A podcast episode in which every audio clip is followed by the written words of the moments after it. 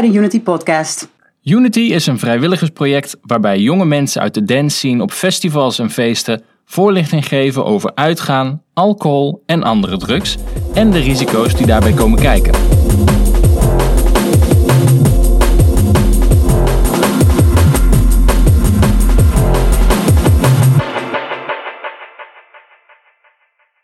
Welkom bij de podcast van Unity, waarbij we in de wereld van de drugs duiken. En dan vooral de harm reduction kant ervan. Want drugs kunnen leuk, interessant of leerzaam zijn, maar soms ook minder leuk en risicovol. Die risico's willen we graag verminderen. Ik ben Raoul Koning en ik neem jullie vandaag mee in de wereld van de drugstestservice. Dat is het DIMS, het Drugs Informatie en Monitoring Systeem. Om die wereld te verkennen heb ik Daan van der Gouwen uitgenodigd. Hij is wetenschappelijk medewerker bij het Trimbos Instituut en werkt al tien jaar bij de testservice. En heeft dus al het nodige meegemaakt. Ook is hij veel actief in het buitenland en heeft dus een brede blik op alle ontwikkelingen in deze wereld. Welkom Daan. Dankjewel. Leuk dat je er bent. Um, kan je kort iets vertellen over jezelf? Wat is je, je achtergrond bijvoorbeeld en hoe ben je bij Drimbos terechtgekomen? Nou, ik zal je de details besparen, want ik ben inmiddels 55. Uh, ik ben socioloog van beroep. Uh, toen ben ik volgens mij in 2000, uh, ja, ik weet het niet zo goed. 2011 was dat 2011 denk ik. Ja. Bij DIMS terechtgekomen en daar zit ik nu nog steeds. Ik doe wel heel veel dingen ook daarnaast. maar wat ik nu bij het DIMS doe, is vooral heel veel promoten van, van wat we doen. Het ontzenuwen van allerlei mythes die eromheen hangen, want die zijn er nogal wat. Uh, ja. Met name ook in het buitenland uh, ja, promotie van, uh, van drugschecking.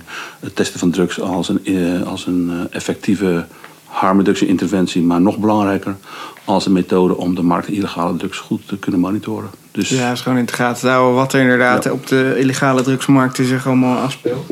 Dus nu ben je inderdaad bij Trimbos beland bij de, bij de testservice, het DIMS. Um, je had het inderdaad net al even kort over, over Raymond Niesink, die, uh, die daar jarenlang uh, projectleider geweest is.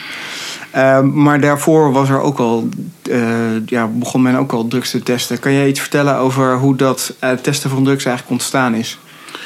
Ja, het is niet helemaal bekend, want de literatuur is vrij schaars. Maar we weten wel dat in, in Amerika notabene, in Noord-Amerika... en ook dacht ik wel Canada, maar in ieder geval Noord-Amerika... en ik dacht aan de kant van de oostkust, dus het is Los Angeles en uh, San Francisco, dat daar in de jaren 60 ook wel al wat samples van de straat werden geplukt, van mensen dus, van gebruikers, om te laten testen op, op inhoud. En hetzelfde is ook hier sporadisch in Nederland, met name in Amsterdam. Gebeurd, maar we hebben er heel weinig informatie van, behalve dat het kennelijk in de jaren 60 wel al sporadisch gebeurt in het kader van een, van een lopend project of iets dergelijks. Uh, beter gedocumenteerd, maar nog steeds niet heel erg goed, is dat in de jaren 80 uh, kwam natuurlijk heel die house, de elektronische muziek, dansmuziek kwam op. Dansen sowieso kwam op in de jaren 80 meer. housemuziek ook. En in het kielzocht daarvan ook drugs die daarbij pasten. En dat was met name het geval met ecstasy, wat dacht ik in de tweede helft van de jaren 80 in Nederlandse introductie deed. dat ging eigenlijk heel goed samen, die twee, nog steeds zoals iedereen weet. Ja. Um, en toen is uh, in Amsterdam uh, Auguste Loor en nog wat mensen, maar in ieder geval Auguste Loor, is toen begonnen met het op feestjes vrij simpel, maar wel doeltreffend. Analyseren van drugs, hele simpele test, maar dat gebeurde wel. en daar is later nog een hele safe house campaign in 89, dacht ik, omheen gebouwd het idee was van, uh, en er zijn nog steeds hetzelfde gebleven, van, nou ja, mensen gebruiken, de meeste mensen gebruiken geen drugs. Sommige mensen doen dat wel. En uh, we vinden onszelf een hoog geciviliseerd land. En daar past dan wel bij dat als, mensen, als je dan weet dat mensen toch drugs gebruiken, dat ze dan maar beter zo veilig mogelijk kunnen doen. Mm -hmm. En al dus geschieden. Dus mensen kregen gewoon een, uh, ja, ze, ze, kochten ergens wat. En ze konden het laten analyseren zodat ze in ieder geval wisten wat er ongeveer in zat. Het is natuurlijk een groot verschil met alcohol, wat mensen ook heel veel gebruiken. Maar daar staat op het lepel gewoon heel duidelijk aangegeven wat erin zit en wat er niet in zit. Bij drugs, illegale middelen, is dat natuurlijk niet het geval. En uh, dat was destijds controversieel, nog steeds wel. Al gaan de scherpe kantjes er nu al wat vanaf. Ja. Maar goed, dat was dus een beetje een. een uh, maar dat was niet goed georganiseerd. Het gebeurde wel, en het gebeurde ook buiten Amsterdam overigens in allerlei plekken op ja, feestjes. Sommige feesten, er waren toen nog lang niet zoveel als, uh, als nu. Uh, maar dan ging, uh, ging August met wat lokale mensen testen. En werd er een nacht getest en, en dat was het dan. Ehm, de VWS wist daar natuurlijk op een gegeven moment ook van. En ook de lokale overheden enzovoort. En het werd eigenlijk een beetje ja, met argusogen bekeken. Maar het werd ook niet verboden. wel was er veel discussie over. over allerlei onderwerpen. Van de, bevordert het drukgebruik niet. En zet je mensen niet aan en dat soort zaken. Uh, daartoe is in 92, in 1992, dus dit etterde zo een paar jaar voor, er was er niet heel erg veel geld voor om te doen. In 92 is toen het DIMS opgericht, het Drugsinformatie Monitoring Systeem, wat als doel had alle verschillende testinitiatieven, drugstestinitiatieven te, te combineren, te verenigen en ook vervolgens te coördineren. Ehm, VWS was daar wel bij, betrokken, had nog geen financiering daarvoor over. Maar in de jaren tussen 92 en 99, grofweg, is dat systeem een beetje verder uitgebouwd. En in 99 zei minister van van VWS: prima, we, vinden, we staan er helemaal achter, we willen het ook financieren. Mits jullie wel de boel op orde hebben. Dat wil zeggen, alles protocoliseren. Dus uh, alle schimmigheid van illegaliteit of semi-legaliteit moet er vanaf. Het moet gewoon duidelijk zijn wat jullie doen, hoe jullie dat doen, waarom jullie het doen. En uh, nou, dat is dus gebeurd. Uh, tot op de dag van vandaag hebben we protocollen voor alles. Dat is heel irritant, heel vervelend, heel bureaucratisch. Maar wel een vereist, want die werkt met, uh, met middelen die op de lijst 1 van de opiumwet staan. Um, dus dat is vanaf die tijd, eigenlijk vanaf 99, is dat verder uitgebouwd. Dus in het begin waren er verschillende organisaties, instellingen voor verslavingszorg waarschijnlijk, die daarmee bezig waren met drugstesten. Die zijn op een gegeven moment in DIMS uh, ja, samengekomen om dat een beetje te coördineren. Um, het waren vooral in, losse, losse initiatieven van, van mensen die soms bij de instellingen werkten, maar soms ook niet. August de Loor was een straathoekwerker. Uh, maar er waren ook mensen dus inderdaad van wat nu. Uh, en daarvoor op van die daar op een preventieafdeling werkt. En inderdaad dat heel goed vonden, heel erg achter stonden. Heel erg gemotiveerd waren om dat te doen. Maar er zat niet de structuur in die erin zou moeten zitten. Nee, ik kan me dan voorstellen dat je inderdaad op een gegeven moment uh, allerlei meningsverschillen krijgt over hoe je bepaalde dingen moet doen. Hoe je met eventuele risicovolle drugs moet omgaan. Moet je waarschuwen, moet je het niet doen. Uh, dus dat is. Uh... Dat is een heel goed punt, ja. Want waar tot op de dag van vandaag, overigens, maar veel minder dan vroeger. Waar, waar het vroeger kennelijk. Ik werk natuurlijk nog niet bij, bij DIMS. Maar wat ik heb begrepen is dat er toen heel veel discussie was van... ja, hoe wanneer ga je nou wel en wanneer ga je nou niet waarschuwen? Sommige mensen zeggen, leken zeggen nog steeds van... ja, uh, je kunt me beter waarschuwen voor drugs, ook al is er niks mee aan de hand. Want als het niet, uh, baat het niet, dan schaadt het niet. Nou, dat is gebleken dat het absoluut onjuist is. Daarom waarschuwen, waarschuwen wij nu alleen maar als er echt stront aan de knikker is, zeg maar. Mm-hmm. En als iets een beetje slecht is, ja, dan is het al een heel andere boodschap die je geeft. Maar uh, kijk, als je elke dag of elke week gaat waarschuwen, dan gaat de boodschap verloren en de impact vervolgens ook. In die tijd waren er dus verschillende meningen over uh, hoe je dat het beste kon doen, hoe, hoe je überhaupt het beste kon testen. En uh, daarom is in 92 dus dat DIMS opgericht. En is gaandeweg in de loop van de jaren dat een beetje ja, professioneler geworden. En in 1999 um, heeft het ministerie van Volksgezondheid besloten DIMS te financieren. mits het als primaire doelstelling kreeg het monitoren van de markt illegale drugs. Ehm, en niet zozeer het is geen service voor gebruikers, maar echt om inderdaad vanuit de overheid te, in de gaten te houden van wat gebeurt er nou eigenlijk op die drugsmarkt. Ja, ja. en ook uh, om de discussie een beetje monddood te maken, want die speelde toen ook al van ja, doordat jullie drugs testen, stimuleer je mensen om te gaan gebruiken of je moedigt het aan of jullie promoten of dat soort zaken. Dus sindsdien, het is nog steeds zo eigenlijk, is dat we, ik kom daar natuurlijk straks nog wel op, het DIMS heeft nu meer dan 30 uh, testservices door het hele land.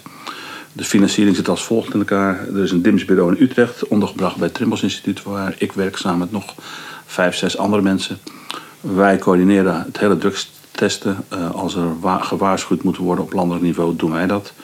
Uh, als er op lokaal of regionaal niveau gewaarschuwd moet worden, dan ondersteunen we de, de, de lokale uh, services.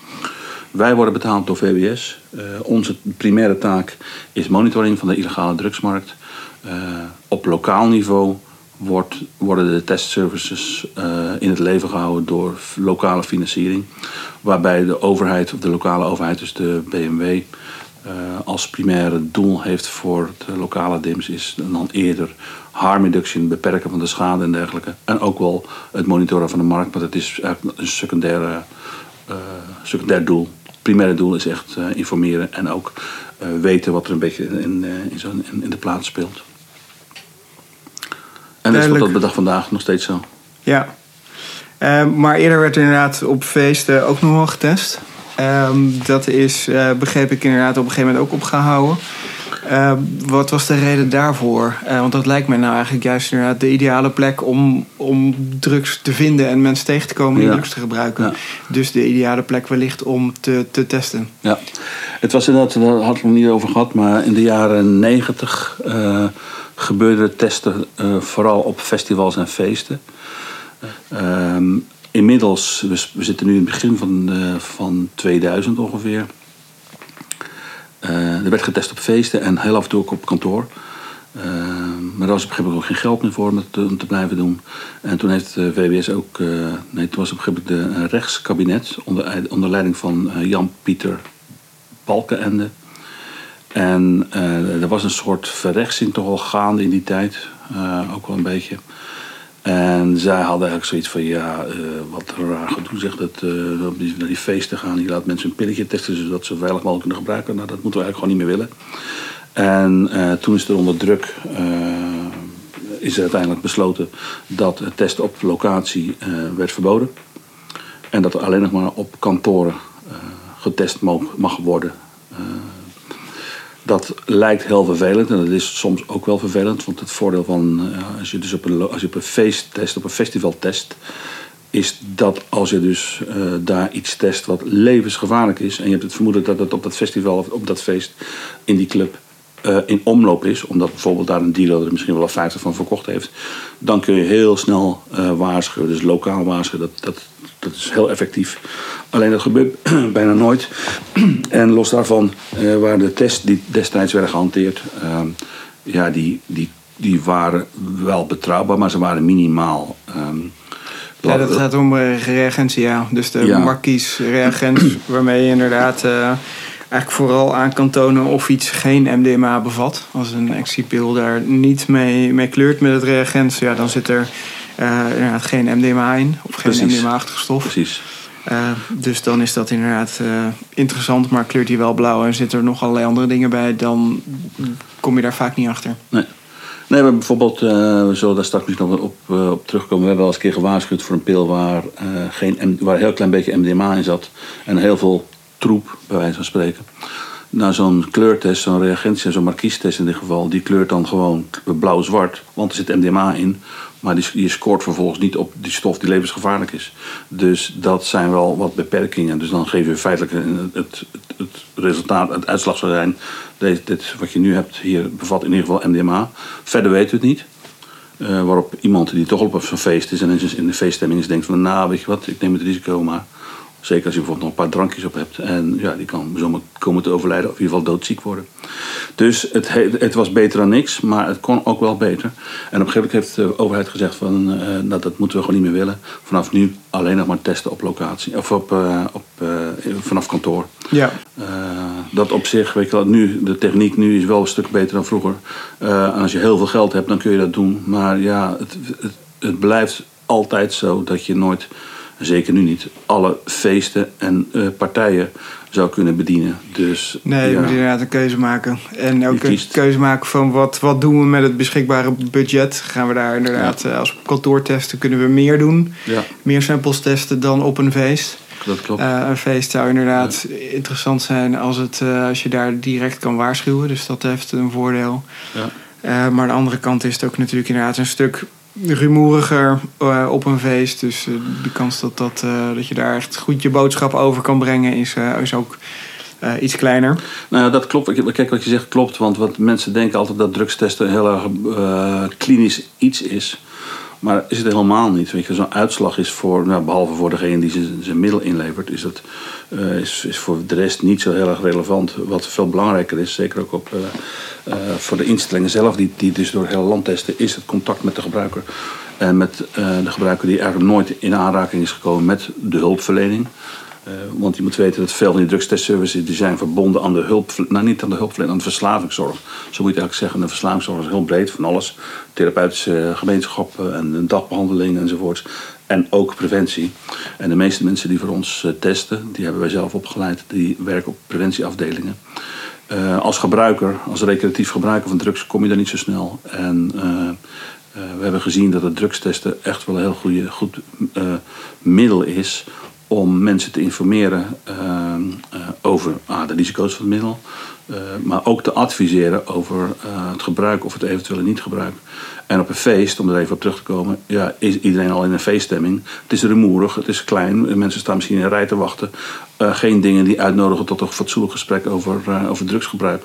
Terwijl kantoor, over het algemeen saai, kaal, leeg, um, is dat heel anders. Mensen plannen hun gebruik, want dat speelt natuurlijk ook wel mee. Mensen moeten hun gebruik dan ook nog een keer plannen. Dus je krijgt wel een bepaalde groep gebruikers binnen. Maar je hebt er in ieder geval over nadenken. Ja, je hebt in ieder geval het goede moment om mensen uit te vragen. En dan zie je eigenlijk dat heel vaak mensen dat advies wel opvolgen. Als je het in een heel rustige manier vertelt. Op een niet veroordelende manier. Mhm. Want dat is wel belangrijk als het gaat om drugstesten. Uh, zeker voor de preventiewerkers in het land die die testfaciliteiten runnen. Dat je uh, een niet moraliserende uh, houding hebt ten opzichte van drugs. Als jij zegt van ja, ik ga je beter geen drugs gebruiken, dan kun je beter niet bij een drugstestservice werken. Maar het andere is ook niet waar. Weet je al, mensen die echt promotors zijn van drugsgebruik, die willen je eigenlijk ook niet eh, als testers hebben, omdat het de andere kant op moet gaat. Iemand inderdaad, iemand zijn die daar een goede afweging in kan, eh, kan maken wanneer je doorhebt van nou, die, iemand gaat, is toch wel van plan. Dus het ontraden uh, heeft Precies. op dat moment geen, uh, misschien zelfs een tegen, tegengestelde werking. Ja. Maar beter over de risico's en de, ja. hoe je daar het beste mee om kan gaan informeren. Ja. Uh, maar promoten, ja, lijkt me duidelijk dat dat inderdaad ook niet de bedoeling is. Um, stel, je zou um, een, een, heleboel geld zou beschikbaar zijn, zou je dan in de toekomst wel weer op feesten willen testen? Of zeg je eigenlijk van nou, we hebben zoveel goede ervaring met het kantoorsysteem, um, dat zouden we eerder verder gaan ontwikkelen of iets dergelijks? We zijn al heel ver als het gaat met het kantoortesten, zeg maar. We hebben best wel flinke, goede machines en apparatuur om uh, hele betrouwbare uitslagen te geven. Dat kost alleen tijd. Dat is een laboratorium die dat voor ons uh, doet. En dat kost gewoon tijd. Of het zit er een week tussen inleveren een sample en de uitslag krijgen. Uh, als het dan bovendien gaat om het, als, het hoofddoel is het monitoren van de markt. Ja, dan is dat wat ons betreft niet nodig. Maar het zou misschien wel een hele interessante aanvulling zijn als je inderdaad uh, beschikt over heel veel geld, dat je wel elk jaar een aantal festivals uitpikt, waarbij je ook met uh, gloednieuwe en hele betrouwbare apparatuur gaat testen. Die zijn er namelijk, je hebt alle handheld devices die gewoon peperduur zijn, maar die wel een goed en betrouwbaar uitslag geven. Dus het zou leuk zijn, denk ik, in aanvulling om op wat we nu al heel lang doen. Om te kijken of we bijvoorbeeld ook bepaalde soorten pillen missen. Of uh, nou ja, uh, dat soort dingen. Dus dat zou op zich inderdaad eh, interessant zijn. Uh, ja, om te zien of het aanbod inderdaad op feesten anders is ja. dan wat, je, wat ja. mensen bij jou komen, ja. komen brengen. Dat is natuurlijk ook een, deels een, een, politieke discussie, begrijp ik uit jouw verhaal. Um, is, het, is in Nederland het politiek gevoelige er een beetje af? Ik denk, uh, we, kloppen onszelf zelden de borst, maar ik denk wel dat we door de uitermate genuanceerde manier van communicatie over extra riskante drugs, door te laten zien dat we feitelijk een wetenschappelijke monitor zijn, mensen eigenlijk vinden dat als wij iets zeggen, daar is niemand die eraan twijfelt, dan zal het wel kloppen. Ook gebruikers. Dus ik denk dat daardoor we wel een zekere positie hebben verkregen door de loop van de jaren heen. Niet in de laatste plaats te danken aan Raymond Niesink nogmaals, die dat eigenlijk vanaf het begin tot het eind dat hij gestopt is met pensioen gegaan is jaar terug, daar altijd heel strikt op was van wat je ook doet, alles moet gewoon wetenschappelijk uh, bewezen zijn en super betrouwbaar. En je gaat niet zomaar iets roepen in de pers als je dat niet kunt onderbouwen. Dat is bij iedereen bij ons allemaal heel erg ingeramd. En in die zin, ja, we, praten met gebruikers, we praten, praten met politici, met uh, politici, uh, beleidsmakers op lokaal niveau. En ja, we worden als zeer kundig en zeer betrouwbaar gezien. Dus in die zin denk ik dat uh, doordat wij dat zo gedaan hebben en die ervaring hebben opgebouwd en uitgebouwd, uh, dat de drugstest in Nederland minder onder vuur zou liggen dan in sommige andere landen. Maar eh, vraag jij Geert Wilders of vraag jij eh, die, andere, die Thierry Baudet, drugstesten. Nou, ik ben benieuwd wat ze gaan antwoorden, maar waarschijnlijk eh, gaat het dan niet lang mee. Dus in die zin, ehm, we hebben nu een rechtskabinet. Eh, we hebben nu heel andere dingen waar we ons druk over moeten maken. Maar Dus het ligt ook heel erg aan de politieke Ja. wind die er waait op dat moment. Ja, maar het kan zomaar zijn als wij volgend jaar verkiezingen hebben en we hebben een nog rechtse kabinet. En eh, door corona of andere dingen hebben we, zitten we in economische malaise. Dat op een gegeven moment dat er kamervragen worden over gesteld worden. Elke, sowieso worden elke, elke zoveel jaar kamervragen gesteld over drugstesten. Moet dat nou wel of moet dat nou niet? Ja, tot nu toe hebben we altijd nog over, overleefd. Vervelend is ook wel een beetje is dat, het, dat je ook wel ziet is dat aanvankelijk het algemene publiek, voor zover dat bestaat, bijvoorbeeld eh, vaak denkt van nou ja, wat een onzin dat drugstesten, mensen moeten gewoon met de poten vanaf blijven. En, eh, als je dat Ja, wel doet, drugs zijn slecht, moet je niet ja, doen. precies. Maar dan zie je dus wel vaak, en helaas moeten daar vaak ook wel mensen eerst voor overlijden, is dat je wel ziet is dat ouders van kinderen die in de knoei gekomen zijn met drugs, overleden zijn bijvoorbeeld door overdosering of verslaafd, dat je vaak vanuit die hoek dan pas ziet van hé, hey, ja, zo slecht is dat drugstesten nog niet. Want als, dat, als, dat, eh, als mijn dochter niet zo stom was geweest om gewoon die pil te nemen, maar toch naar een drugstestservice te gaan in de buurt, dan was ze misschien niet in de problemen gekomen. Ja. Je ziet hetzelfde met politici. Weet je die moeten eerst vaak met pensioen gaan. Politieagenten bijvoorbeeld heel vaak. Dan zijn, eerst voeren ze heel rechts bewind, gericht op eh, de eh, supply reduction. Dus aanpakken die, die het- aanbod. Ja, meer repressie. En dan op een gegeven moment gaan ze met pensioen. En dan zijn ze ineens voor regu- regu- regulering of legalisering. Dan denk ik altijd, Ja, nou, dat had dat nou gezegd voordat je op pensioen ging? Ook te maken met het feit dat ze dan uit zichzelf praten en niet vanuit een eh, organisatie. Ja, dat klopt. Maar je hebt inderdaad in, ehm, in Engeland heb je nu een organisatie Anyone's Child. eh, waarbij je inderdaad allerlei ouders en Ja. familieleden dus inderdaad eh, ja, pleiten voor een veranderd, veranderde manier om met drugs om te gaan Ja. vanuit de politiek. Je hebt het ook vanuit is politie. Hè? Je hebt eh, LEAP, Law Enforcement Against Prohibitionism. En dat is een behoorlijk grote organisatie geworden. En op elk eh, zichzelf respecterend congres eh, spreken ze tegenwoordig wel. Maar het is altijd hetzelfde verhaal. Vooraf heel tough. Ik, eh, gaan ze aanpakken. En het maakt niet uit of het, eh, of het werkt of niet. We hebben hier in ieder geval weer 3 gram cocaïne in beslag genomen. Dus dat gaat niet naar de gebruiker toe. Maar dat op een gegeven moment gaan ze toch allemaal om. Ja. Dus, eh, maar ja, goed. En dat drugstesten, dus ja, het ligt nu niet onder vuur. Zoals ook spuitomruil bijvoorbeeld niet onder vuur ligt. Of eh, gebruikersruimtes of heroïneverstrekking niet onder vuur ligt. Omdat het allemaal gewoon een beetje bij, bij de Nederlandse stijl hoort. Maar goed, we doen het niet zo slecht. Want ik ben heel veel in het buitenland. En daar eh, is de discussie pas gaande. Of nog helemaal niet. En ja, wat dat betreft zijn we in wel heel ver vooruit. En Ja. wat ik eigenlijk vergeten was te zeggen, is dat we eigenlijk. We zijn toch echt een van de eerste, zo niet de eerste, drugstest. eh, organisatie in de wereld. En we zijn sowieso de, e- de enige nog op dit moment die dat zo ver heeft uitgebouwd tot waar we nu zijn. ja, vooral de grootste inderdaad. En de grootste. Ja. En we hebben het meeste bereiken. We hebben de meeste samples. En ja, we hebben, maar goed, we hebben natuurlijk ook 25 jaar ervaring. Eh, maar goed, we hebben nu in Europa zijn er denk ik wel, ik weet niet hoeveel, maar zeker 10, 15 eh, landen waar ook eh, getest wordt.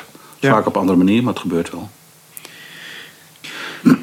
Goed, ehm, dan, eh, want je zei inderdaad al van, nou, er zijn ongeveer 30 eh, instellingen of plekken waar mensen hun drugs kunnen laten testen. Eh, hoe is dat de UC testservice verder georganiseerd? Sinds we vanaf 2002 alleen nog maar op kantoor mogen testen. Sindsdien is het ons streven geweest om een geografische spreiding te krijgen over het land. Dus niet alleen maar wat in Amsterdam speelt of in Rotterdam.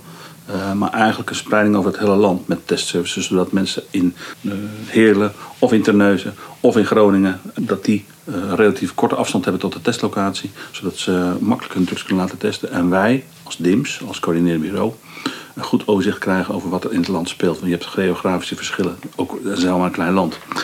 Sindsdien dus hebben we een systeem opgezet waarbij iedereen die wil testen... dat zijn over het algemeen dus de preventieafdelingen van de instelling voor verslavingszorg... Eh, op dit moment hebben we 33 testlocaties. Eh, Zeeland was eh, een zwakke schakel.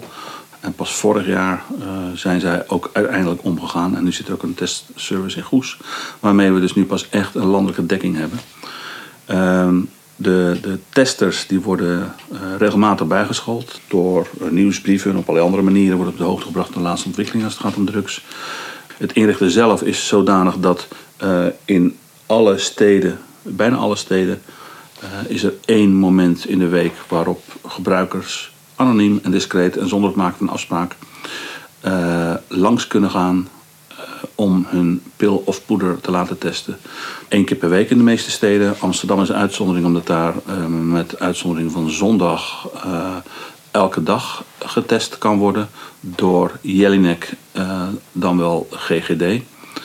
Ehm, andere steden hebben dus één, eh, één spreekuur per uur, eh, één eh, per week. Maar het is vaak wel, ja, we, we spreken nu inmiddels over voor corona en na corona. Voor corona was het bijvoorbeeld in Utrecht en Rotterdam ook heel erg druk, waardoor mensen dus, ja, waar het ongeveer op neerkomt, is dat we per week ongeveer 300 samples, tussen 200 en 300 samples doorgestuurd krijgen uit het hele land. Wat er dus voor corona. dat was voor corona.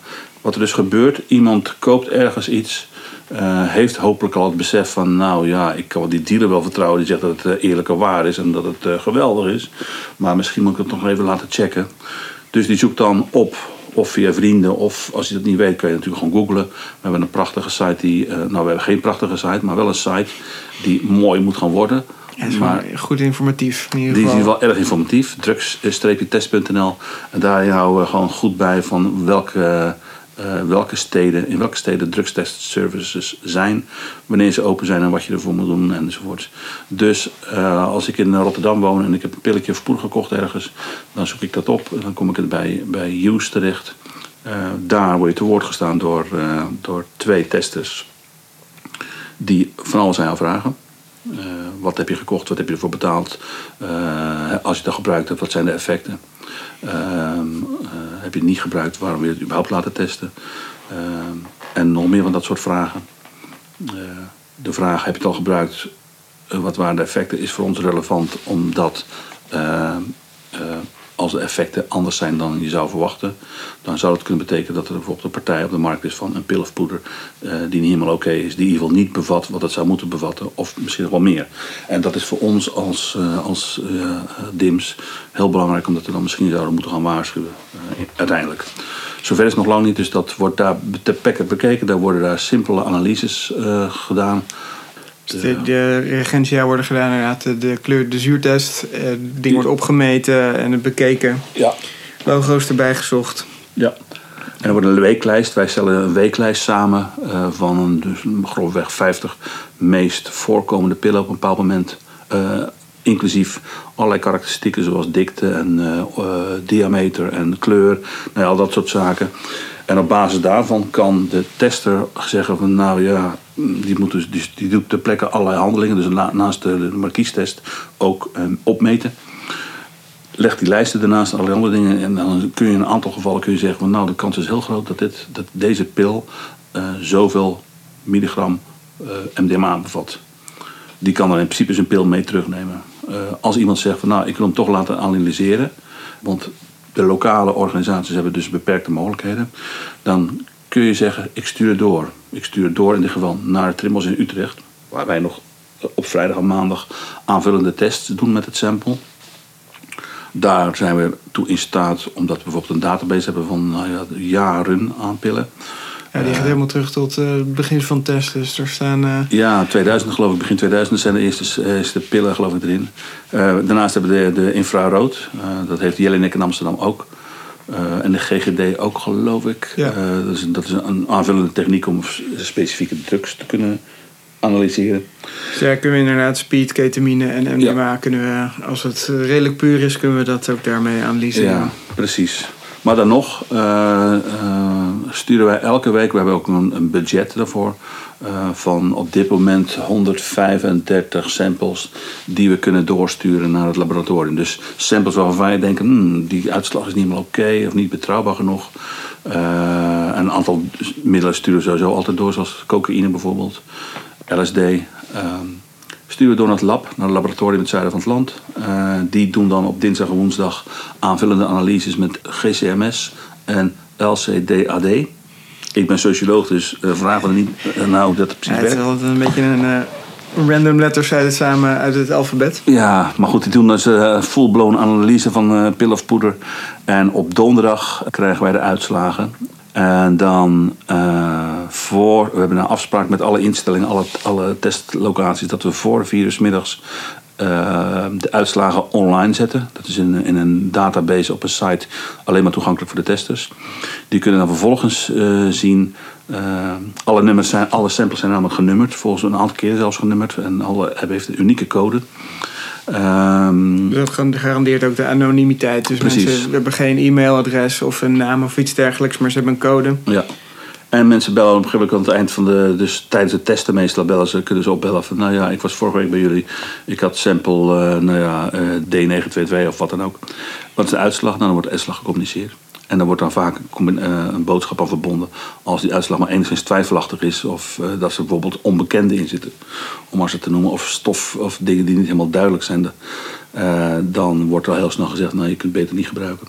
We zijn in staat om tien middelen niet alleen te kwalificeren, maar ook te kwantificeren. Kwalificeren betekent het zit erin of het niet. Bijvoorbeeld die kop Ja, dus LSD. er zit wel of geen cafeïne in, of er zit ja. wel of geen... Ja. En kwantificeren is bijvoorbeeld, eh, nou er zit MDMA in, maar ook, er zit in dit geval 173 milligram MDMA in. En verder niks anders. Dat kunnen we met 10 van die stoffen doen. Eh, voor de rest is het kwalificeren. En een aantal dingen weten we gewoon niet, omdat het gewoon, ja, dat noemen we dan onbekende. Dat is een flinke bak met, ja, met stofjes die niet herkend kunnen worden door het lab. Eh, of misschien wel, maar dat heel veel geld gaat kosten. Ja, zo kost het veel geld om dat helemaal uit te zoeken van welke stof is het nou. Dan Ja. moet je echt eh, als Ja. een speld in een hooiberg gaan zoeken in de, in de literatuur van Precies. welke stof is het. Maar zelfs dus als bijvoorbeeld een pil, als, als iemand een pil zou eh, eh, hebben laten analyseren, Heineken Krat bijvoorbeeld, eh, en het bevat 183 milligram MDMA en verder niks. Dan zeggen mensen wel eens, oh, dus dan kun je zeggen van, nou, dus, dat is, dan zeggen jullie waarschijnlijk, dit bevat alleen maar MDMA, dus prima, ga maar lekker gebruiken, veel plezier ermee. Nou, dat zullen we nooit doen, omdat even los van de vervuilingen en de sterktes van eh, pillen en poeders, dat gewoon mensen individueel eh, reageren op de effecten van drugs. Eh, en een doodnormale pil zou kunnen betekenen dat de ene een geweldige avond heeft. En de andere doodziek in een ziekenhuisbed belandt. En dat zijn individuele gevoeligheden. Waardoor je eigenlijk nooit kan zeggen: eh, deze pil is veilig. Veilig is een woord wat we zelf überhaupt nooit gebruiken. Maar dat, dat wordt ons wel eens aangesmeerd van jullie zeggen dat Nee, het ja, veilig is. elk, elk risico of elk gebruik heeft risico's, Precies. maar je kan inderdaad de risico's Ja, beperken door allerlei eh, dingen te doen of juist te laten. ja. Maar dat is eh, ja, de, vaak in Nederland, dus in ieder geval de laatste tijd begreep ik, is dat het vooral de, de MDMA zelf bijvoorbeeld, of de cocaïne zelf, eh, eigenlijk de meest risicovolle ontwikkeling is. Omdat pillen zo sterk zijn geworden dat ehm, de versnijdingsmiddelen of de andere middelen die erin zitten niet per se het risico zijn, maar dat klopt. de, de, Ja. de drug zelf. Zeker de laatste vier, vijf jaar is dat zo. Daarvoor hadden we heel vaak nog eh, eh, een verdomd lastig stofje, parametoxy met amfetamine, PMMA. Wat in MDMA zat, wat een vergelijkbaar effect heeft overigens als eh, MDMA. Alleen het komt veel trager op. En dat, daar kunnen soms uren overheen gaan voor je de effecten merkt van die PMMA. Maar ze komen wel. Maar ja, als je dus een beetje een jonge gebruiker bent en impulsief bent en je denkt van nou ja, oké. Het is niet zo'n Eh, sterke pil. Ja, na een uur merk ik niks. Ik neem ik er nog één. Of, Ja. eh, of nog twee. Ja, uiteindelijk kun je, kun je daar echt goed ziek van worden.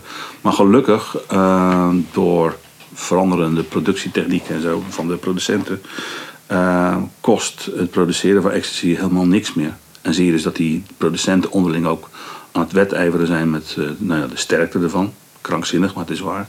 Maar ook de, de, de vorm. Voor onze onderzoekers is dat razend interessant. Ik geloof toen eh, jaren terug zag je een ecstasy-pil was rond. Meestal geel of zo. Ja, precies. En een Toen we begonnen in 2011 was het inderdaad bijna alle pillen waren rond. En nu eh, is er bijna geen één pil meer rond. Maar Nee. allemaal spannende vormpjes en kleurtjes en glitters. Precies, En, en, eh, vaak twee kleuren. En eh, voor ons onderzoek is het heel vervelend, omdat je dan, ja, we hebben een registratieformulier waarin je de kleur op aangeeft. Dus we hebben al heel wat keren dat de template moeten aanpassen. Want ja, veel, steeds vaker zien we de spullen die gewoon twee kleuren hebben. Twee kleuren en glitter. Nou, dat kun je nauwelijks meer ingevuld krijgen in een normaal registratiescherm. Nee, precies. En Dus, hoe, hoe vul je neonroze in? Ja, En, is ja. dat... En dan heb je zoiets heel raars wat eh, tussen mannen en vrouwen, verschil tussen mannen en vrouwen is. Een van de verschillen is dat als voor mannen, als ik bijvoorbeeld aan het testen ben, dan denk ik, oh deze pil is lichtgroen. Tuurlijk is het lichtgroen. SpongeBob bijvoorbeeld, lichtgroen. En dan heb ik een vrouwelijke collega die zegt, nee joh, dat is geel. En die is dan heel erg van overtuigd. En dan hebben we gelukkig ergens zo'n ding ophangen. Wat enigszins betrouwbaar weergeeft wat de kleur is. Maar het blijft wel ja, ergens wel subjectief. Dat heb je Ja. met één kleur. Laat staan met twee kleuren. En nog wat glitters en eh, glow in the dark en dat soort dingen. Dus En afhankelijk van de achtergrond waar je het op legt ja, en het licht. ja. Maar we hebben dus in de loop van de jaren een gigantische collectie aan foto's eh, eh, opgebouwd van, al van de hele nou ja, de, de ontwikkeling van die pillen. Van heel saai, als we het zo bekijken, naar uitermate interessant. En eh, je kunt je nu niks voorstellen, eh, bijna niks, eh, of er is wel een logo van, van geperst. Je kunt ook bij sommige dealers of producenten kun je ook gewoon een opdracht neerleggen waarbij je zegt, nou ik wil eh, bij wijze van spreken een feestje over een paar weken, een paar maanden een feestje, ik wil graag dat en dat erop hebben. Nou dat doen ze zo. Kost je Ja, wel een hoop dan- geld, maar het kan. Dan hebben we het inderdaad niet meer over de consumenten. Nee. Dan gaat het over de grote dealers of eh, ja, mensen die vlakbij de producenten zitten. En ehm, dat is inderdaad een van de voorwaarden voor het testen. Eh, want daar testen we niet voor. Eh, dat heeft VWS heel expliciet gezegd. We testen alleen voor consumenten. Eh, kan je iets vertellen over de andere voorwaarden die er zijn, die er aan het testen verbonden zijn? Nou ja, we testen niet voor dealers natuurlijk.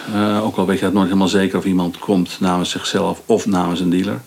Overigens is daar aangekoppeld een hele internationale discussie die op zich heel interessant is. Want als je strikt kijkt vanuit een harmreductieperspectief, je wil de risico's zoveel mogelijk beperken. Ja, waarom zou je niet voor een dealer mogen testen als hij vervolgens een goed geteste pil op de markt brengt? Maar politiek gezien en al ethisch gezien kun je dat absoluut niet maken. Maar er is wel iets voor te zeggen natuurlijk. Van als je echt een hele veilige markt wil, ja, dan zul je daar iets mee moeten. Hoe dan ook, mogen wij dat zeker niet doen. Omdat we, ja, we testen niet voor dealers. Eh, wat we nog meer niet doen of wel doen is... eh, we testen sowieso op dit moment vanwege de overcapaciteit... eh, niet meer dan één sample per persoon. Dus je mag drie samples meenemen, maar er mag er maar één worden doorgestuurd. Als iemand het op straat gevonden heeft, een pil... Eh, testen we het ook niet, want dat is voor, voor de monitor, we zeggen altijd voor de monitor niet relevant, heeft geen waarde voor de monitor, omdat wij eigenlijk ontwikkelingen op de markt willen volgen. En als iemand toevallig een pil ergens gevonden heeft op straat, ja, dan kun je zeggen, ja, dan monitor je markt toch ook, maar ja, dat is wel heel erg afgeleid. Wat we zeker ook niet doen, is eh, ouders die een pil of poeder vinden in de broekzak van eh, zoon of dochter. Eh, daarvan zeggen we, van de week had ik het nog aan de hand, zeggen we van ja, als ouder moet je gewoon los van wat de uitslag ook zijn, eh, is, gewoon het gesprek aangaan met je kind eh, hierover. En dat op een hele niet moraliserende toon, maar gewoon een heel open gesprek. Daar bereik je veel mee meer dan, dan je pil laten opsturen. Want wat als het speed is of coke? Wat is het verschil? Wat, wat, dan, gebruikt, dan heeft die persoon dat misschien gebruikt of niet. Maar beter is het om, om dat gewoon uit de mond van je kind zelf te horen. Dus voor, niet voor ouders, dat, dat, daar testen we ook niet voor. Dat neemt niet iedereen altijd eh, ons in dank af. Ehm, we, we krijgen natuurlijk vanwege de aard heel veel mediaverzoeken. Eh, camera, voor radio en tv. Daar zeggen we ook stevast van luister, eh, we zijn in eerste instantie voor de gebruiker. Uh, zeker op lokaal niveau. Uh, dat is anoniem en discreet. Uh, dat past niet dat je hier met, met een camera voor iemand zijn snuffert staat of mensen vragen gaat stellen terwijl uh, ze hun pillen en poeders aan het testen zijn. Het past nog minder om dat te doen voordat ze naar binnen gaan of dat ze de deur uitgelopen zijn. Zoals we een paar keer hebben gehad met, met sommige, sommige omroepen. Mm -hmm. ja, dus dat doen we ook het blijft gewoon illegaal, dus je bent iets. Ja. Iemand komt iets, iets doen wat illegaal is en dat ga je filmen. Ja, dat niet alleen, maar vaak zijn er veel mensen die bij ons komen testen, zijn jong en misschien een beetje onbezonnen, maar goed, ze laten het maar wel testen. En als ze ervoor dat ze zeggen, ja, natuurlijk, geen, nee, geen, geen probleem. Uh, internet is er voor altijd, zeggen we altijd. Uh, als een filmpje online komt op YouTube of waar dan ook. Uh, vervolgens gaat die jongen gaat verder met, of meisje gaat verder met studeren. Studeert af, gaat solliciteren. En iemand denkt, nou, Tessa van Dongen, eens even opzoeken. En als hij vervolgens ziet dat je pillen hebt laten testen. Of een interview van dat het zo geweldig is omdat er een drugstestservice is. Hmm, ik weet niet of iedereen er wel zo bij gebaat zou zijn. Dus we proberen mensen voor zich, tegen zichzelf in bescherming te nemen. Dus dat soort dingen liefst zo min mogelijk. Um, Welke voorwaarden zijn er nog meer? Dit zijn denk ik wel de belangrijkste. Ja, het moet in Nederland uh, op de markt zijn. Oh ja, dat is heel ja. belangrijk. Ja. Het moet, omdat we natuurlijk de Nederlandse markt uh, in drugs monitoren, testen we alleen maar middelen die in Nederland gekocht zijn. Uh, we, we, krijgen regelmatig vragen uit België, waar wel een testservice is, maar heel minimaal. mensen willen ook vaak hun pillen en poeders opsturen, nou, dat kan ook al helemaal niet. Al is er één service, dat is Energy Control, onze zusterorganisatie zeg maar, in Spanje. Uh, daar kun je pillen en poeders opsturen uh, en die gaan het dan analyseren. Maar dat kost best wel wat. Namelijk één sample dat je opstuurt kost 50, rond de 50 euro om het te laten analyseren. Dus dat zullen ook niet heel erg veel mensen doen. En uh, dus dat geld in Nederland gekocht. ook als het even kan, dus recent op de markt. En niet een pil die je tien jaar geleden nog eens een keer gekocht hebt en vervolgens in een bureaula is beland en dat je denkt, nou dat ben ik nog wel geïnteresseerd. Als we geen overcapaciteit hebben, zou dat meenemen, maar verder heeft het voor ons als monitor geen waarde. Cannabis testen we ook niet, daar hebben we een ander project voor. en medicijnen testen we ook niet, omdat dat gewoon legale middelen zijn. En, ja. En zijn er nog meer andere dingen die jullie niet testen? Wij testen geen paddo's. is plantmateriaal inderdaad niet? Nee, plant-based ja, plantmateriaal testen we niet. Eh, NPS, research chemicals, designer drugs, nieuwe psychoactieve stoffen testen we juist weer wel. Maar we zien dat eigenlijk toch bijna weinig vraag naar is en ook weinig aangeleverd wordt. Die testen we wel omdat het voor ons als monitor erg interessant is om te weten welke stoffen er al op de markt uh, verschijnen. En dus ook mensen dat kopen.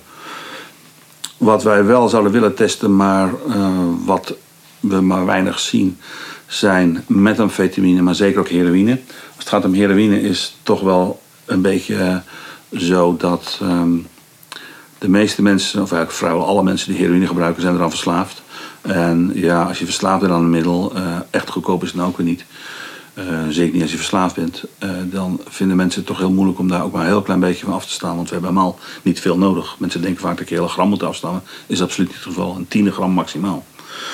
Maar toch is dat voor veel probleemgebruikers van heroïne een stap te ver. Dus dat zien we eigenlijk nauwelijks. Coke zien we ook niet zo erg veel. Ehm, en methamfetamine, dat is altijd wel interessant. Omdat we nu in een tijd leven waarin eigenlijk de laatste jaren voortdurend wordt eh, gezegd... Ja, dat het gebruik van crystal meth neemt enorm toe en dit en dat. Dat wordt een beetje gestaafd met, uh, met het enorm aantal uh, labs in ons land... wat dit jaar al is opgerold met hulp vanuit Mexico. Niet opgerold, maar wel de productie. Dus dat maar komt vooral uit de media inderdaad veel berichten daarover. Ja, maar het gebruik zelf zien we dat het nauwelijks, dat het niet echt toeneemt over die productie over. Het is wel interessant dat we dus zien. We hebben veel contact met politie. En uh, wat we dus zien is dat nu uh, producenten van ecstasy en speed overstappen op methamphetamine productie. Omdat het gewoon veel lucratiever is. Een gram methamphetamine kost, nou dat varieert nogal.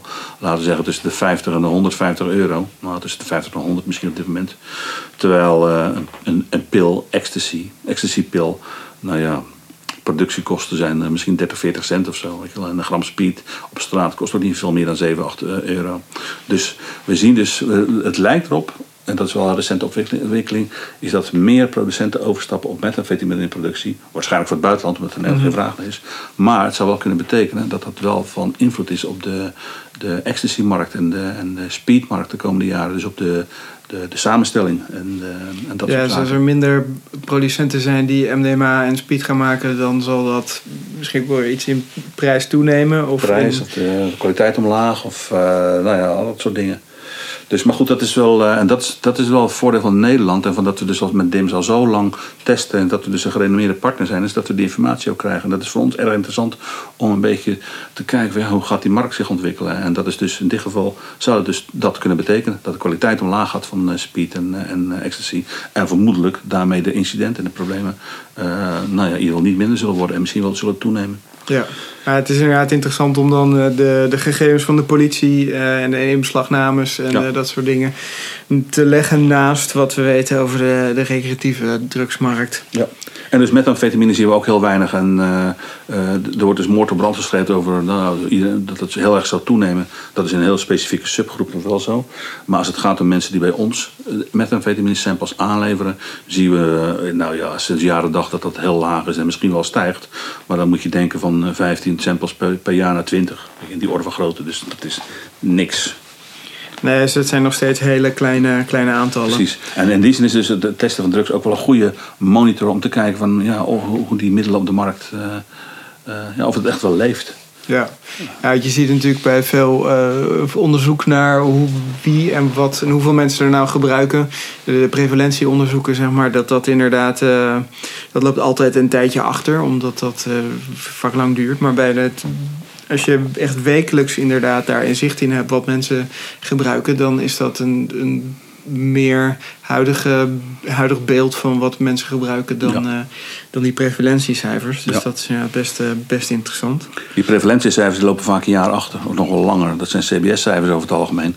Eh ketamine bijvoorbeeld net zoiets. Dat, dat, dat meten we nu wel en daar zie je ook al een toename. Maar we zien eigenlijk al, al een aantal jaren een toename van het aantal ketamine-samples wat wordt ingeleverd. En het voordeel van onze monitor is ook wel, of van het test is sowieso, dat we ook aan mensen vragen: nou, waarom willen we het middel eigenlijk gebruiken? Waarom gebruik je het en hoeveel gebruik je? Zodat je een beetje kan maken van de risico's. Vroeger opa spreekt. Vroeger was ketamine werd heel, alleen maar verbonden, was gelinkt aan K-holes en mensen die eh, een robowalk en eigenlijk nauwelijks tot iets in staat waren. Nu weten we ook dat heel veel mensen, eh, dat de, de toename is nu misschien voor een deel te wijten of het gevolg van het feit dat het ook veel meer in het uitgaansleven gebruikt wordt. Maar dan lagere doseringen. Dus de manier van gebruik is veranderd. Ja. Het doel van het... Van Ja. De gewenste effecten die zijn Ja. minder intens dan wat men vroeger zocht. Precies. En daar kun je dan eh, vervolgens weer je preventieboodschappen op aanpassen. Niet wij, want dat, maar wel de lokale instellingen. Dus in die zin is het eh, een beetje een saai woord, maar altijd wel een beetje een klassieke win-win situatie. Ja. En het werkt voor ons land ja, behoorlijk goed. Omdat we, ik denk eerlijk gezegd echt dat met wat wij al doen, al die jaren, dat we een behoorlijk goed beeld hebben van wat er zich op de Nederlandse markt afspeelt. En dat we dat ook zodanig kunnen doen dat we ook snel kunnen ingrijpen als, het, als er eh, iets extra ergs op de markt komt, zeg maar. Ja.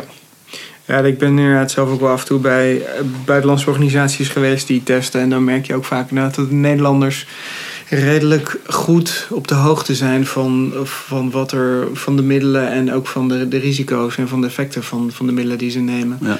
Terwijl dat in het buitenland soms ehm, ja, heel anders is. En mensen gewoon geneigd zijn van, oh, wit poeder, nou prima, Ja. geef maar. Dat neem ik wel even. Ik ben veel in Rusland en eh, kijk, in Nederland ben ik betrokken geweest met opzetten van, en ook uitvoeren van en onderhouden van allerlei eh, evidence-based informatie over drugs. En dat we eigenlijk al met z'n allen wel vinden van dat die objectieve informatie eh, beschikbaar moet zijn. In Rusland bestaat dat soort informatie absoluut niet. En als het zou bestaan, dan is het heel snel weg, want dat is gewoon, nou ja, dat kan daar gewoon absoluut niet. Als gevolg daarvan zie je dus dat mensen, eh, ja, ergens zoals Russen, alcohol drinken, vodka, doen ze dat ook met drugs. Ik chargeer een beetje, maar die Russen hebben gewoon geen idee vaak wat ze naar binnen werken. En eh, zeker niet als het gaat om, om die synthetische cannabinoïden, bijvoorbeeld Spice, heel populair daar. Eh, maar ja, en er is ook vervolgens er is helemaal niks. Ze gebruiken het vanwege misschien ook wel uitzichtloze situatie enzovoort. En vervolgens, ja, niemand die er iets aan kan doen. Politie bellen bij OD, vergeet het maar, dan word je zelf ook opgepakt. Nou ja, allemaal dingen die in Nederland vanzelfsprekend zijn. Ja. Eh, eh, maar die in heel veel landen, in de meeste andere landen, absoluut niet vanzelfsprekend zijn. En dat is wel soms, als ik, soms hoor ik wel eens gebruikers klagen in Nederland van ja, ik ben tien minuten te laat voor mijn metadon en dan krijg ik die niet meer. En dan denk ik, wauw, je zou ook eens moeten kijken naar de verordenheden die we met z'n allen hebben. En het niveau waarop wij zitten in Nederland. Ik het is absoluut geen probleem, waar ook in Nederland, om de politie te bellen of de ambulance of 112 te bellen van luister, mijn eh, vriend of vriendin eh, heeft dit en dat gebruikt, eh, is doodziek en ik denk dat hulp nodig is. Geen problemen voor jou. Terwijl in Nee. Rusland vliegen er de gevangenis in. Dus waarom zou iemand dat dan doen? Gaan er allerlei mensen dood. En niet eens, niet eens alleen in Rusland, Hongarije, ik heb vlak bij de deur. Dus ja, eh, er moet nog veel gebeuren. En eh, daarom vind ik het ook heel belangrijk dat, eh, aangezien ik de mogelijkheid heb om in het buitenland ons beleid te nuanceren en te verkopen, vind ik dat ook een belangrijke taak om te doen. Ja. Want we denken nu als allen dat we het zo slecht doen vanwege al die Mex Mexicanen en in drugslabs enzovoort. Maar ja, daar, daar is te weinig op ingezet. Maar we hebben ook zoveel wel bereikt. En Nou ja, als je inderdaad kijkt naar eh, risicovol gebruik, dan is dat in Nederland redelijk beperkt. ja. Ten opzichte van een boel andere. Als je kijkt naar een aantal overdoseringen in Nederland, Ja. is, eh, het neemt wel toe, maar dat, is- dat is toegenomen van 120, wat jarenlang zo was. Met name heroïne en cocaïne, base coke, dus in die specifieke setting. Nou, nu is het geloof ik 250, 250, 280 of zo was de laatste meting. Maar dat staat in geen enkele verhouding tot wat er in Rusland of in eh, Duitsland of, of in Engeland. Schotland. Ja, Schotland bijvoorbeeld. Daar, ja. eh, het meeste aantal eh OD's van, van hele Europa, of misschien zelfs de hele wereld. En als je ook op straat kijkt, ook, ook hier in Amsterdam of weet je, in grote steden, je ziet niemand meer spuiten. Weet je, wel, je komt eh, zelden gebruikers tegen die eh, aan het hostelen zijn. Ze zijn er nog wel, maar veel minder dan vroeger. En we hebben het probleem te grotendeels van de straat af, eh, afgekregen. En, en ik, ik verbaas me heel vaak als ik in het buitenland. Vorig jaar nog in Luxemburg, denk ik, Luxemburg, hmm, saai land, inderdaad heel saai. Maar geld. eh, heel veel geld. Maar die binnenstad, verschrikkelijk, verschrikkelijk. Notabene de Benelux.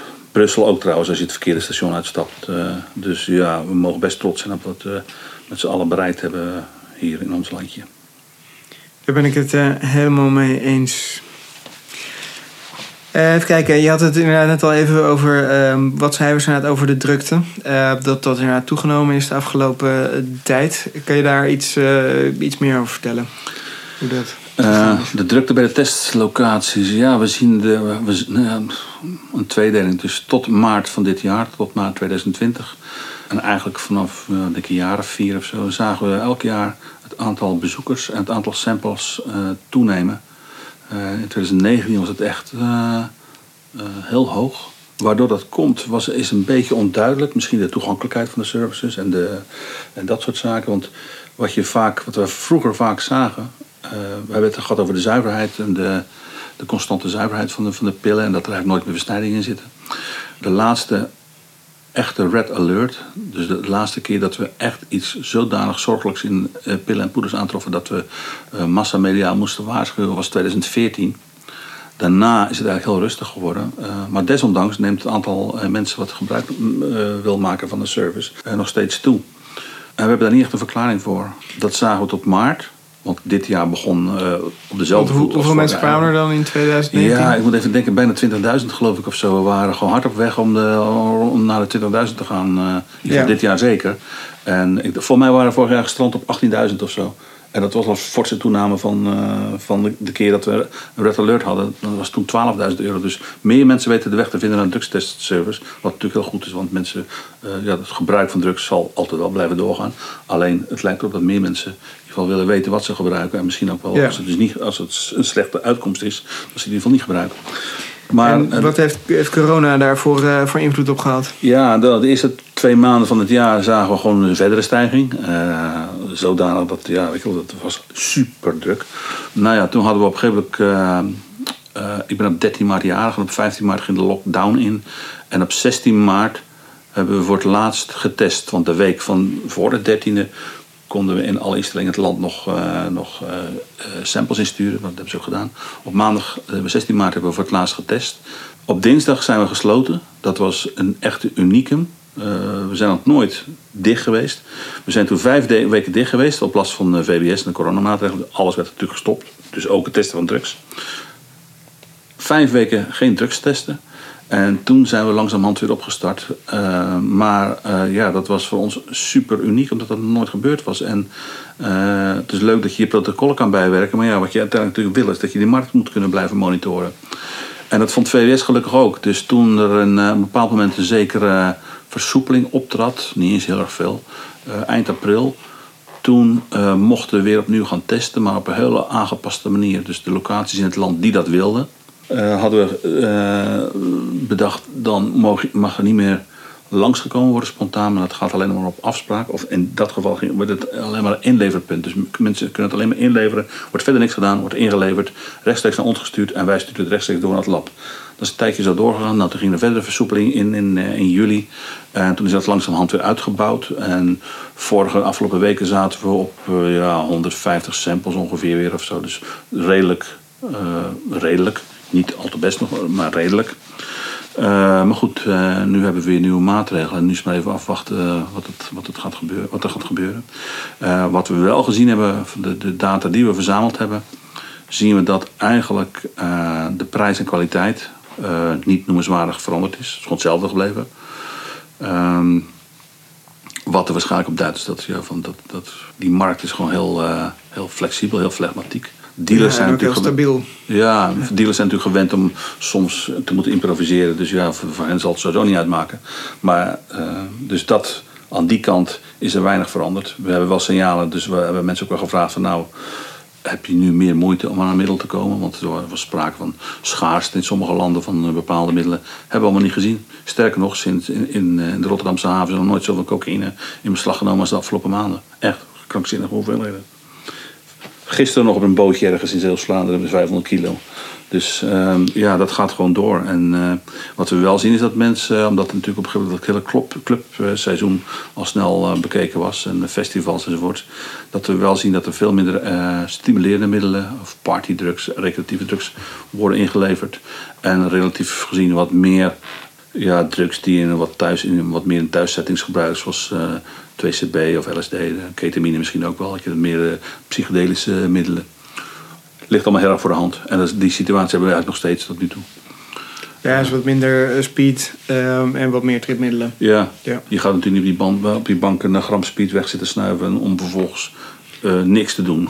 Nee, dus stil op de bank te zitten. Precies. En, uh, Nee, dus, dat, uh, dus, maar dat is wel voor ons wel heel uniek. Dat niet alleen voor ons, maar dat geldt voor iedereen die data verzamelt. Dus dat we, ja, wat gaan we nou doen met die data? Want we hadden keurig al die data al zoveel jaren op dezelfde systematische manier bijgehouden. Zodat je ook goed in staat bent om uh, ontwikkelingen te signaleren enzovoort. Nu hebben we gewoon een gat van, uh, nou ja, op minstens vijf weken helemaal niks. En eigenlijk vanaf, vanaf eind april tot nu uh, we zijn nog lang niet op het niveau wat, uh, waar we zaten. En dat zullen we waarschijnlijk dit jaar gewoon niet meer, niet meer op uitkomen. Dan nog is het wel goed dat we dus elk, omdat we elke week dus kunnen, kunnen, kunnen testen. En mensen in het land nog steeds hun middelen kunnen, kunnen inleveren. Zijn nog steeds goed in staat om uh, die markt goed te monitoren. En ook te gaan waarschuwen mocht dat echt nodig zijn. Maar tot nu toe is er nog geen enkele aanleiding toe. Nee. Als het dims in het nieuws komt, gaat het vaak om waarschuwingen. Heb je een aantal voorbeelden van waarschuwingen die, uh, die jullie gedaan hebben? Ja, het waarschuwen. Wat, wat ik even heel kort uit moet leggen is dat we verschillende niveaus hebben. Uh, het meest simpele niveau is dat we bijvoorbeeld iets opmerkelijks zien. Bijvoorbeeld de onbekende. Uh, dat we dat steeds terug zien komen. Uh, wat we dan doen is ons intern DIMS-netwerk informeren. Dus dat is informeren. Het gebeurt ook dat hadden we twee jaar terug, drie jaar terug, vier jaar terug misschien wel. Um, hadden we op een cocaïne, uh, waar atropine in zat. Atropine is een oogmedicatie, maar kan voor, zeker voor een ervaren gebruiker of een uh, frequent gebruiker ernstige gezondheidscomplicaties met zich meebrengen. De dood, kort gezegd. dat hebben we toen gezien in Rotterdam en ook in Breda en in Antwerpen was ook nog een signaal van.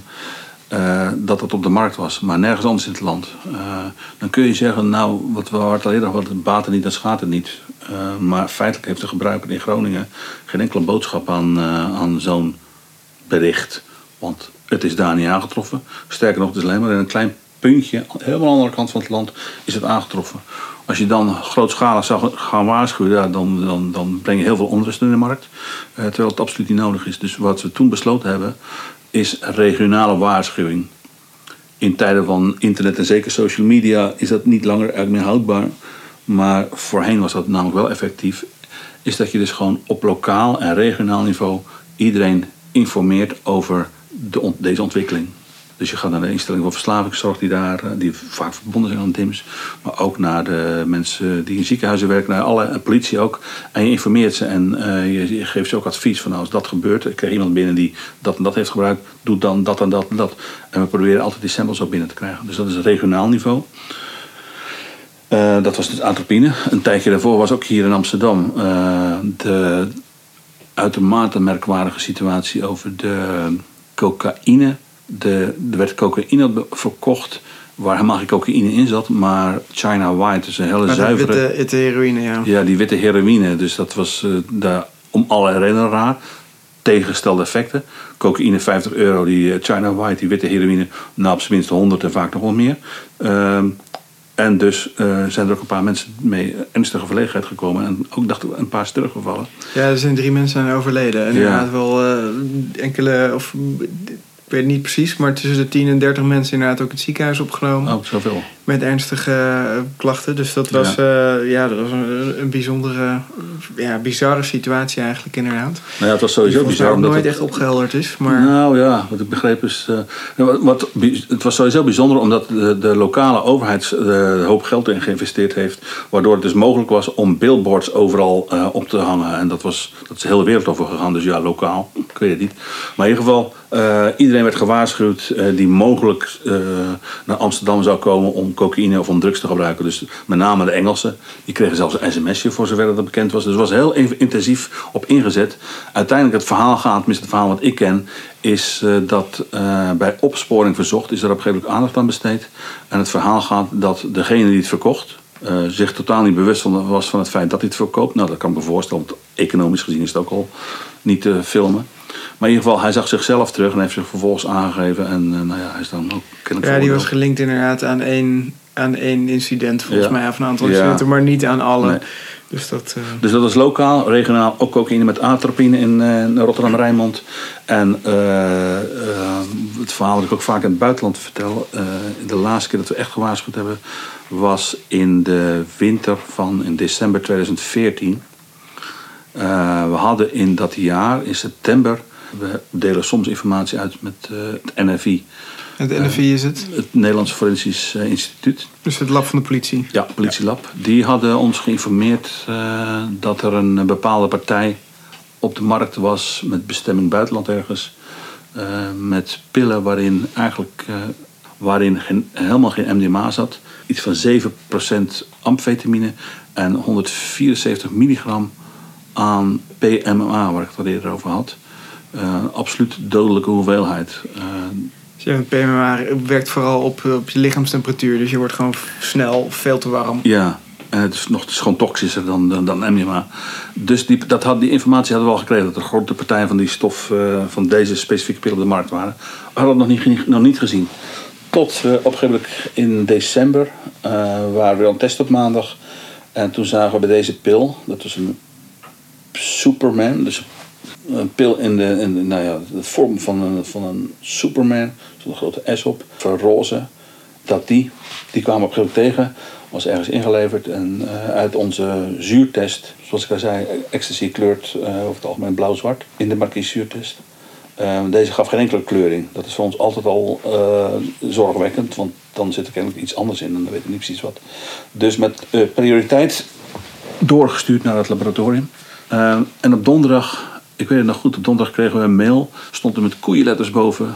Uh, waarschuwing, deze pil, dat, dat, dat nummer, bevat geen MDMA. Uh, bevat een klein beetje um, um, amfetamine.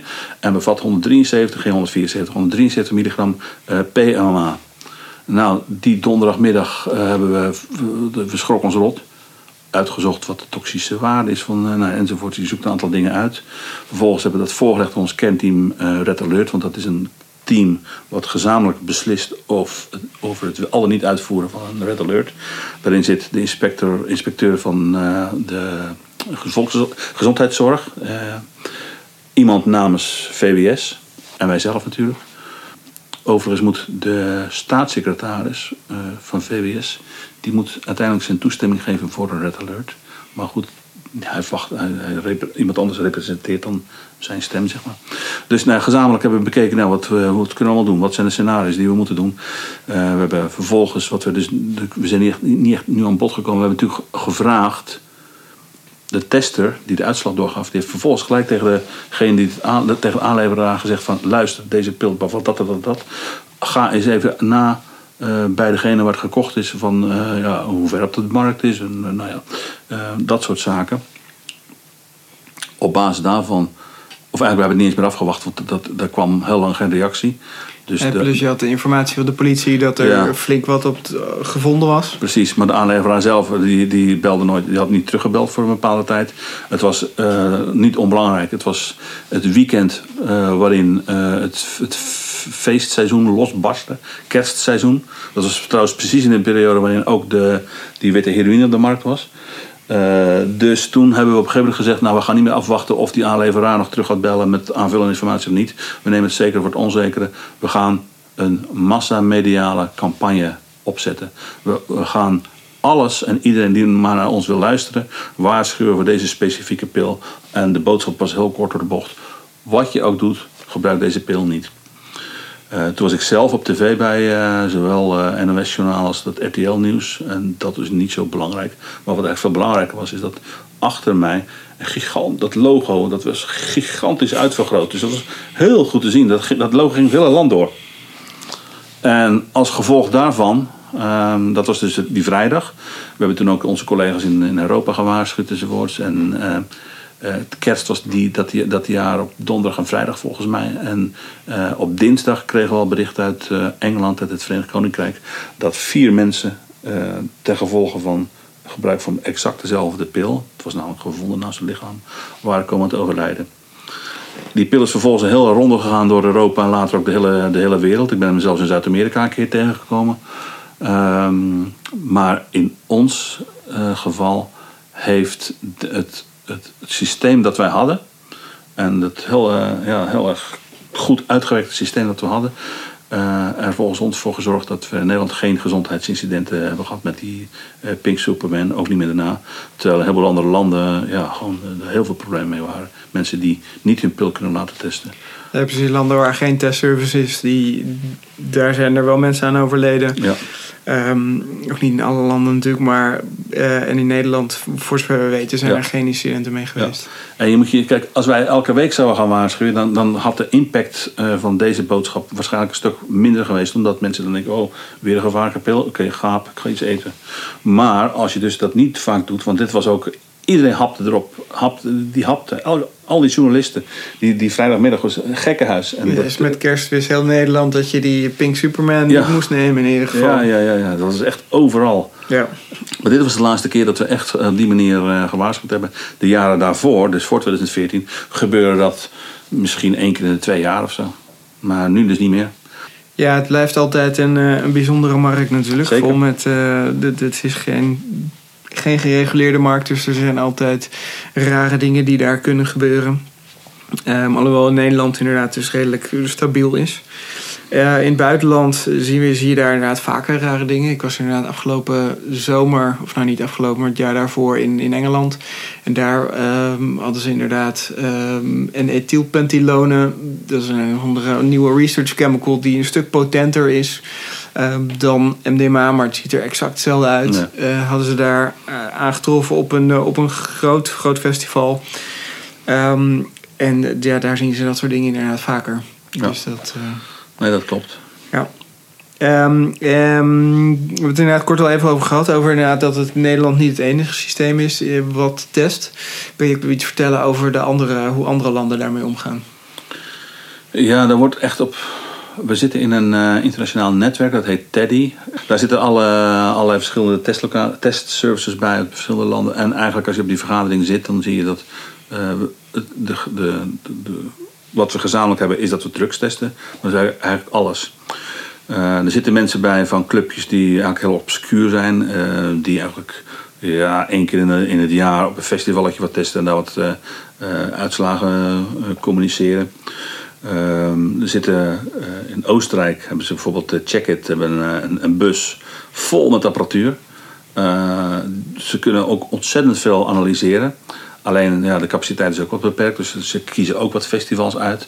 Dus representatief is het sowieso niet. Het gaat alleen maar om het gebied rondom Wenen volgens mij. En dan ja, een aantal festivals, want ja, ze kunnen zichzelf niet door twintig eh, hakken. Eh, dan heb je nog Energy Control, die hebben wat eh, filialen in, door het hele land. Waar ze een combinatie doen van op festivals, maar ook eh, kantoortesten. Je zit in Spanje. Ja, Spanje, ja. Engeland gaat nu ook met kantoortesten een beetje aan de slag. Ze testen ook wel op festivals. Het verschilt qua alles, ook qua ideologie. Of de ingeving is vooral harm reduction en eh, misschien wel drugs legaliseren. Dat hebben sommige mensen dat een beetje als achter, in de achterhoofd. Tot heel strikt eh, wetenschappelijk zoals wij eh, zijn. We zijn wat dat betreft een beetje een ja, braafste jongetje van de klas misschien wel. Omdat wij eigenlijk op heel andere gronden testen. En, Maar daarmee misschien ook wel het, het langstlopende jongetje van de ja, klas. ja. En we hebben natuurlijk ook een budget van een flink budget. Terwijl veel instellingen helemaal niks hebben. Dus het is ook vaak ja, een beetje vrijwilligerswerk. Zoals het in Nederland ook begonnen is. Daar alleen al vind ik het ook van belang om dat wat wij hebben opgebouwd en hoe we het hebben opgebouwd, om dat te delen met landen. En niet te zeggen van nou jullie moeten precies hetzelfde doen als wij, want elk land is anders. Wij zijn een heel ander, hebben een heel andere cultuur dan in Spanje of in, of in Italië of zo. Dus DIMS daarheen transporteren zou totaal ineffectief zijn waarschijnlijk. Maar goed, ja. een ander politiek klimaat. Ander politiek- andere cultuur. Dynamiek die daar Ja. inderdaad eh, Ja. speelt. Andere manier van gebruiken misschien ook wel. Ja. Eh, maar goed, ja, weet je we, we zijn natuurlijk met drugs, met een, met een effectief drugsbeleid zijn we ook al heel lang bezig in Nederland. Sinds het begin van de jaren negentig. Ik wil niet alleen met drugstesten kwamen op, maar heel veel andere dingen ook. En we hebben altijd gezegd, je moet eh, evidence-based zijn, gebaseerd zijn op bewijs. En als je iets niet kan bewijzen, moet je het gewoon niet doen. Nee. Eh, en zijn er nog, ehm, dan als afsluiter, eh, nog nieuwe ontwikkelingen die je de komende jaren voor je ziet? Nou ja, we hebben dus nu zitten midden in, eh, een, in een soort van lockdown weer. Dat heeft zijn effect op drugstesten. Hoe weten we niet zo goed. Maar dat, dat kan niet anders. Het zou zomaar kunnen zijn, maar dat heeft niet zozeer met testen te maken, maar met gebruik zelf. Dat als we helemaal ineens uit de, helemaal uit de lockdown terechtkomen, dat alles weer is zoals het was. Dat mensen het op een eh, stevig op het zuipen zetten, maar ook op een flink gaan gebruiken. Eh, dat mensen wat extremere dingen gaan gebruiken omdat het weer kan. Is gewoon puur speculeren, we weten het niet.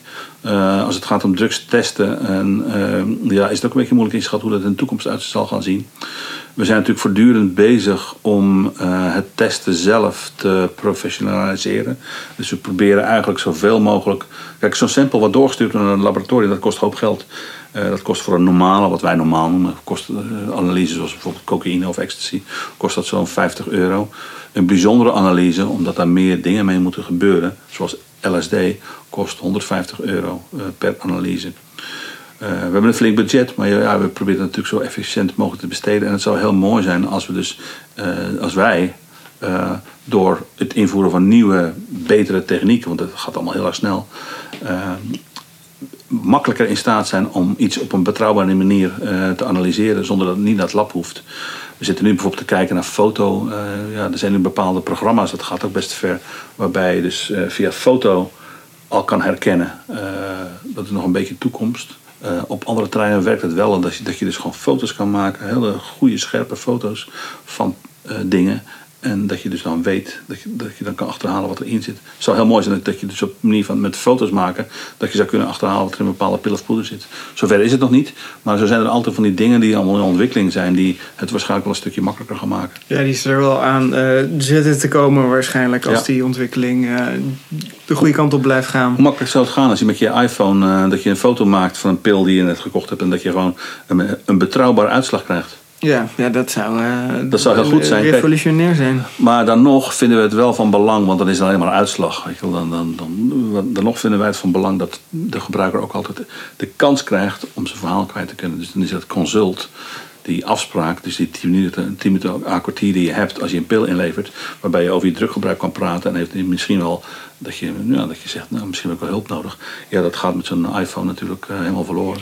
Nee, dat hele gesprek ben je kwijt inderdaad. Eh, plus dat ook de, de, de uitleg, de communicatie over wat die uitslag nou betekent. Ja, ja, dat heb je niet. Want soms dan zitten er inderdaad stoffen in die, je- die je uit wil leggen die mensen niet kennen. Ja. Ja, kijk, als er inderdaad uitkomt, er zit 61 milligram MDMA in, dan kunnen veel mensen dat inderdaad zelf nog wel interpreteren wat ze daarmee mee willen Ja. of mee kunnen. Maar als er inderdaad naast een bepaald percentage cocaïne ook levamisol in zit of phenacetine, ehm, ja, wat betekent dat eigenlijk voor iemand? Precies. Dus die communicatie, die, eh, ja, die, die willen we uiteraard graag nog, eh, Ja. nog hebben. En verder zijn we natuurlijk gewoon benieuwd welke stoffen er op de markt komen. Maar ja, eigenlijk is de Nederlandse markt al een behoorlijk conservatieve markt. eh, dat er eigenlijk niet zo heel erg veel gebeurt. Eh, we hebben natuurlijk 4FA gehad, 4-fluoramfetamine. eh wat eh 4-FMP. Wat kwam en weer ging. Dat was eigenlijk de, voor ons onderzoekers razend interessant. Dat je ineens een stof op ziet komen. Die elke week weer vaker aangeleverd wordt. En dat was ineens, zag je gewoon dat het eh, echt eh, booming was. Alleen, eh, ik, bedoel, ik hou niet zo van. Ik ben niet, niet overtuigd van het verbieden van drugs dat het veel uitmaakt. In dit geval heeft het er wel toe geleid dat de interesse in het middel snel afgenomen is. Waarschijnlijk omdat er nog zoveel varianten op de markt zijn die bijna hetzelfde eh, effect hebben. Maar Ja, ik denk ook wel de, de, de communicatie daarover, over eh, dat het wat raars wat doet met je bloeddruk. En dat je dan inderdaad herseninfarcten en dergelijke Ja, kan, eh, kan krijgen. precies. Dat is wat we inderdaad ook vaak bij gebruikers terug horen, dat ze dat als reden aangeven. van, Ja, het is toch niet zo gezond voor je. nee. Dus dat, is, eh, En dat was weer een reactie, want dat denken we dan ook wel. Alleen daarom is het, goed om zo'n markt te monitoren. We zagen natuurlijk, daar hebben we niet eens over gehad, maar we hebben zien al sinds jaren en dag een stijging van de gemiddelde hoeveelheid MDMA en ecstasy-pillen. Die pillen worden steeds sterker en dat is gewoon niet oké. Eh, omdat eh, voor het effect dat mensen zoeken, heb je echt niet meer dan 80 tot 100 milligram nodig. Dus wat heb je aan een pil van 300 milligram of 280 of zoiets? Ik wil het hier gaan delen. Ja, dat werkt alleen maar incidenten in de hand. Precies. Dus, en een van de redenen waarom mensen, we hebben daar onderzoek naar gedaan, waarop mensen zeiden, nou ik gebruik nu liever Virava, was omdat ze die sterke pillen niet meer wilden. Ze wilden best wel onder invloed zijn, maar uh, ze wilden niet maandag en dinsdag en woensdag of misschien nog wel wekenlang daarna uh, nog last hebben van die pil. Terwijl uh, aanvankelijk leek het zo dat met 4FA dat je wel effect voelde, maar niet zo extreem. Je was nog in, in staat om een fatsoenlijk gesprek te voeren bijvoorbeeld, of de volgende dag dingen nog te kunnen herinneren. Terwijl je tegelijkertijd de maandag erop weer gewoon fris in de, in de schoolbanken zou kunnen zitten of op werk zou verschijnen. Nou ja, goed, uiteindelijk, dus dat was een tijdje gangbaar. Nou, je kan beter 4FA gebruiken dan, dan, dan ecstasy. Maar goed, toen kregen we na die incidenten met hersenbloeding en nou ja, dat soort dingen. Dus toen is dat ook weer overgegaan. Maar ja, ik denk dat in Nederland hebben we toch, zeker door het hele beleid dat we hebben en de mogelijkheid van testen enzovoorts, zijn de gebruikers, denk ik, over het algemeen uh, best wel bewust bezig met gebruik. Niet allemaal, je hebt roekeloze mensen overal. Maar veel mensen kunnen wel terecht en doen dat ook wel uh, van tevoren even opzoeken, nou ja, uh, voordat ze zo'n pil achterover slaan, even uitzoeken wat, uh, ja, wat de effecten sowieso zijn en de risico's. En ook als de risico's groot zijn, dat ze misschien zeggen, nou weet je wat, laat maar zitten. Misschien een luxe positie omdat we in Nederland ja, beschikbaar hebben, makkelijke beschikbaarheid hebben over heel veel drugs. Maar in dit geval denk ik wel een voordeel. Ja, je kan je, de, de, informatie kan je betrouwbaar opzoeken en je kan inderdaad je drugs laten, laten testen. Dus dat is voor veel gebruikers al gewoon een hele goede basis om allerlei risico's te, te voorkomen. Je kunt heel moeilijk doen over drugs, maar we zien gewoon al, al sinds jaren en dag dat als mensen al drugs gebruiken, de meeste mensen gebruiken namelijk geen drugs, maar als ze het al doen, dat dat vaak in een hele specifieke periode van hun leven is waarin ze experimenteren met, met een heleboel dingen rond de drugs. Maar op een gegeven moment gaat, voor veel mensen dat, uh, ja, dat wel, de interesse wel een beetje weg. Ze gaan werken ergens of uh, krijgen een vriendin of alle twee. En ja, gaan zich op andere dingen richten. En dan, ja, dan zie je dat dat gebruik hebben ze een tijdje gedaan. Maar dat is dan wel een beetje voorbij. Ja, precies. dan gaat het, het weekenden lang uh, naar feesten gaan gaat niet meer samen met, uh, met het familieleven en met kinderen en uh, serieuze banen. Precies, dus in die zin is het ook gewoon een normale ontwikkeling. En ja, daar kun je met z'n allen heel moeilijk over doen, maar gelukkig geldt het wel voor veel mensen. Terwijl je tegelijkertijd wel moet richten op mensen met wie het niet zo goed gaat. Die maar blijven doorgaan. Ik al, al bij 50 nog steeds elk weekend op een van de technofeesten staan te hakken. Ja, dat is een, een, klein deel wat inderdaad uit de bocht vliegt. En ja, dus, wat hulp bij nodig heeft. En dat vind ik soms wel een beetje jammer in de discussie dat het vaak de extreme zijn. Aan de ene kant mensen die alleen maar roepen legaliseren of reguleren en andere mensen alles verbieden. En uh, die nuance ontbreekt vaak wel. Super. Um, Daan, ik wil je heel erg bedanken voor dit uh, gesprek. We zijn een stuk wijzer over de drugstestservice. Graag gedaan, Raoul.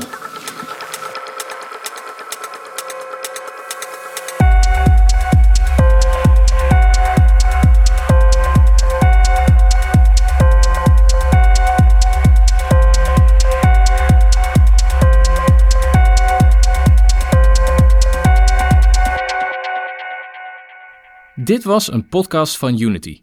Dank voor het luisteren. Heb je opmerkingen, vragen of suggesties? Laat het ons weten. Stuur een e-mail naar info@unity.nl of stuur ons een berichtje via een van de social media kanalen. Think for yourself, care about others.